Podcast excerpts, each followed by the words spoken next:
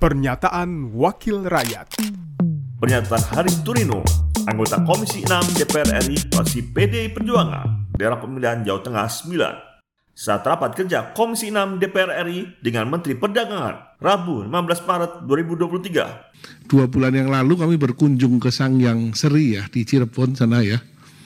Dan memang eh, waktu itu kita cerita salah satunya adalah permasalahan yang dihadapi oleh Bulog.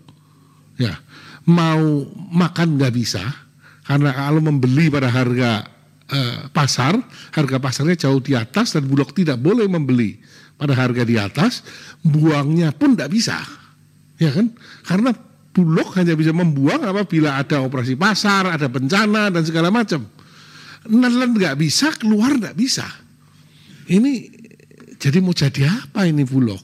Ya, tapi usulan Pak Menteri dari luar biasa bahwa eh, harga beli gabahnya di level petani diizinkan untuk bahkan di atas harga pasar.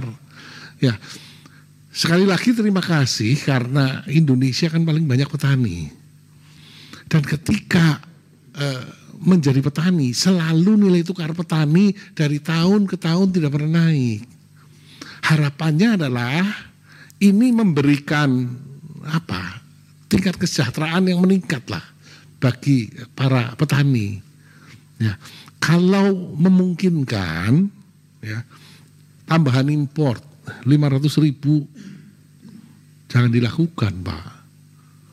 Karena biarkan Bulog melakukan operasi pasar pada harga yang lebih tinggi, apalagi sekarang eh, panen raya, ya. Sekali-kali petani menjadi tuan yang sejahtera di negaranya.